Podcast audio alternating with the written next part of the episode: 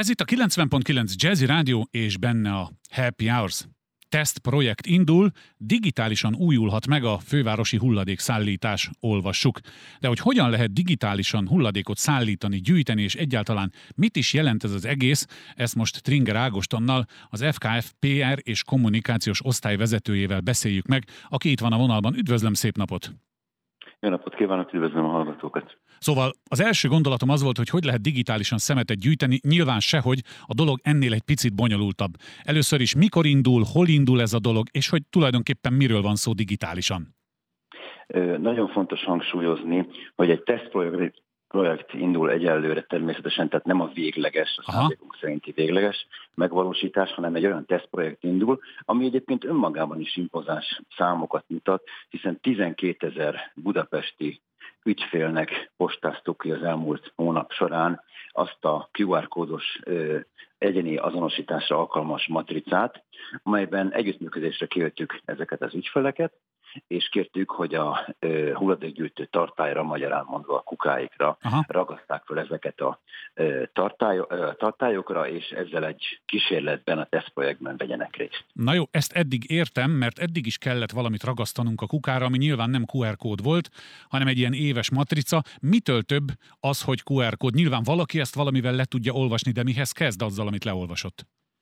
Ö, elsősorban nem az ügyfélnek kell, hogy leolvassa, bár leolvashatja nyugodtan, uh-huh. hogyha leolvassák az ügyfelek, tehát egy lakos találkozik ilyen kukákkal, amelyeken már rajta vannak a matricák, akkor a honlapunkon található tájékoztatóra kerül, ahol, ahol megtekinteti ezzel kapcsolatos információkat. Nem, ez természetesen ö, számunkra jelent nagyon fontos többletinformációt, majdani végleges projektben az adott kukához tartozó szolgáltatás pontos tartalmáról, terjedelméről, és ez az információ nem csak nekünk hasznos, mint szolgáltatónak, hanem fontos és hasznos lehet az ügyfélnek, illetőleg mi azzal számolunk, és ezért van a tesztprojekt, hogy ebben a vélekedésünkben meggyőződjünk, hogy a fővárosnak mindannyiunknak közösen hasznos lesz, hiszen közvetve olyan előnyök keletkeznek abból, hogy pontosabb információkkal rendelkezünk a szolgáltatásról, amelyeket mindannyian élvezhetünk. Mondok néhány példát. Igen, igen azzal, hogy pontosabb a,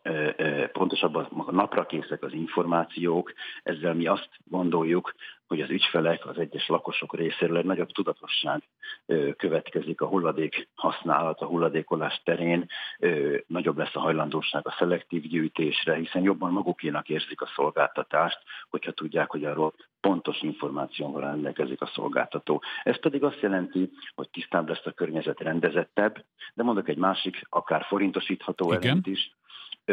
Számunkra az, hogy naprakész információkat tudunk arról, hogy pontosan hol milyen szolgáltatást kell, hogy biztosítsunk. Ezzel pontosabban tudjuk tervezni az egyes hulladékgyűjtő járatokat, tehát a magyarán szólva azok a kukásautóknak a napi útvonalait, amelyek több százan járják Budapest utcáit nap, mint nap. Ezeknek az útvonalait pontosabban meg lehet tervezni, hiszen pontosabb információk alapján lehet ezeket az útvonalakat tervezni pontosabb útvonal, rövidebb, rövidebb munkavégzést jelent, kevesebb kibocsátást, uh-huh. tisztább jelent.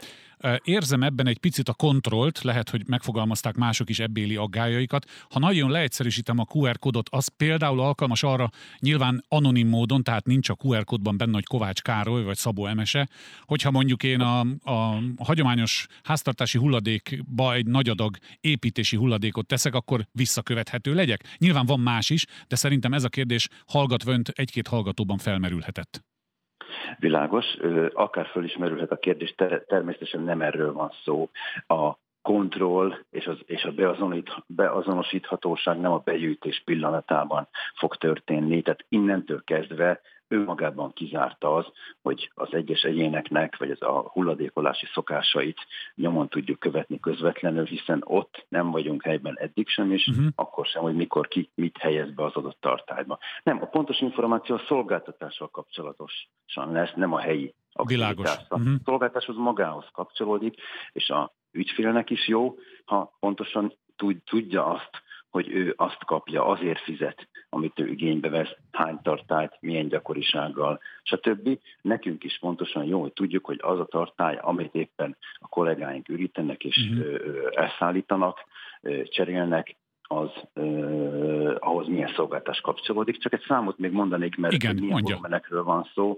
Eh, teljes Budapest területén gyakorlatilag 3-4 millió ilyen tartályról van szó. Az igen. El, el, elképesztő szám. Ez így van. Tehát innentől kezdve, hogyha azt gondoljuk, hogy ezekről a tartályokról pontos információ az egész életútja kapcsán, hiszen ezek ugyanolyan műszaki eszközök, mint bármilyen más szolgáltatás esetében ezek kopnak, állaguk változik, cserére szorulnak, javításra szorulnak, és hogyha ezeknek az állapotát, teljes életútját nyomon tudjuk követni egy ilyen azonosító rendszerrel, szinte az egyéni életpályát követjük Igen. ezzel az azonosítóval, ezzel, ezzel mi azt gondoljuk, hogy sokkal hatékonyabb tud lenni a szolgáltás, sokkal ügyfél központúbb, uh-huh és ebből mindenki csak nyerhet. Világos. Utolsó kérdésem, nyilván ugye hangsúlyozta, hogy tesztprojekt indul, és hogy kísérleti jelleggel. Mennyi ideig terveznek tesztelni, és hogyha tételezzük fel, hogy ez beválik, akkor kb. mikor gondolják azt, hogy ezt el lehet kezdeni akár az egész főváros területén alkalmazni? Így van, ez a tesztprojekt jelenleg három budapesti kerületre terjed ki, amit említettem, 12 ezer budapesti Igen. ügyfél ö, számára postáztuk ezeket a, ö, a QR kódos matricákat. Ez a három kerület egyébként, ha már megemlíteném, 15. kerület, a 10. kerület és a második, tehát három nagyon eltérő ö, ö, lakó ö, ö, környezetű, igen, értem én, igen. Uh-huh. környezettel rendelkezik, tehát nagyon heterogén. Az nagyon fontos volt a teszt során, hogy ez egy, hogy egy a kiválasztás, a tervezés során, hogy teljes Budapestre reprezentatív legyen a minta, ez a 12 ezer kiválasztott ügyfél. Ez egy nagy, három nagyon különböző kerület, uh-huh. nagyon különböző típusú lakóövezetekkel, ezért esett rájuk a választás. És meddig tart? Ugye meddig tart ez? Tart, Igen? Évvégéig tart a, ez a tesztprojekt, évvégig ö, ö, kiértékeljük az eredményeket, és a jövő évben ö, lehet születhet döntés arról, hogy, hogy hogyan tovább tudjuk uh-huh. bevezetni. Egyelőre annyit azért el lehet árulni így, ö, ö, hát egy ilyen kis előjáróban? Információként, uh-huh. akár előjáróban is, hogy a legfrissebb, legfrissebb adatok, vagy legfrissebb információk szerint nagyon kedvező a fogadtatás, nagyon pozitívan fogadják a, a lakosok. Igen, ez egy nagyon, nagyon, nagyon értékes és nagyon örömteli információ, hogy úgy, mi úgy érezzük, hogy ez az üzenet, ez a, a szándék ö, átjött, hogy így fogalmazzak. Uh-huh. Megértették a lakosok, hogy miről is szól ez, és nagyon nagy a hajlandóság a, nagyon a matrica elhelyezésébe, ami azért fontos, hiszen itt partnerségről van szó. Együtt fog ezt működni. Több kérdés is fel felmerült bennem, de mivel kísérleti tesztprojektről van szó, talán a többi kérdés majd akkor érdemes feltenni, amikor már ez el is indul. Amit lehetett, most elmondtunk Tringer Ágostonnal, az FKFPR és kommunikációs osztályvezetőjével beszéltünk arról, hogy akár digitálisan is megújulhat a fővárosi hulladékszállítás. Sok sikert kívánok a további kísérletezéshez. Szerintem fogunk mi még beszélni, amikor a tesztidőszak véget ér. Viszont hallásra! Köszönöm szépen, viszont hallásra!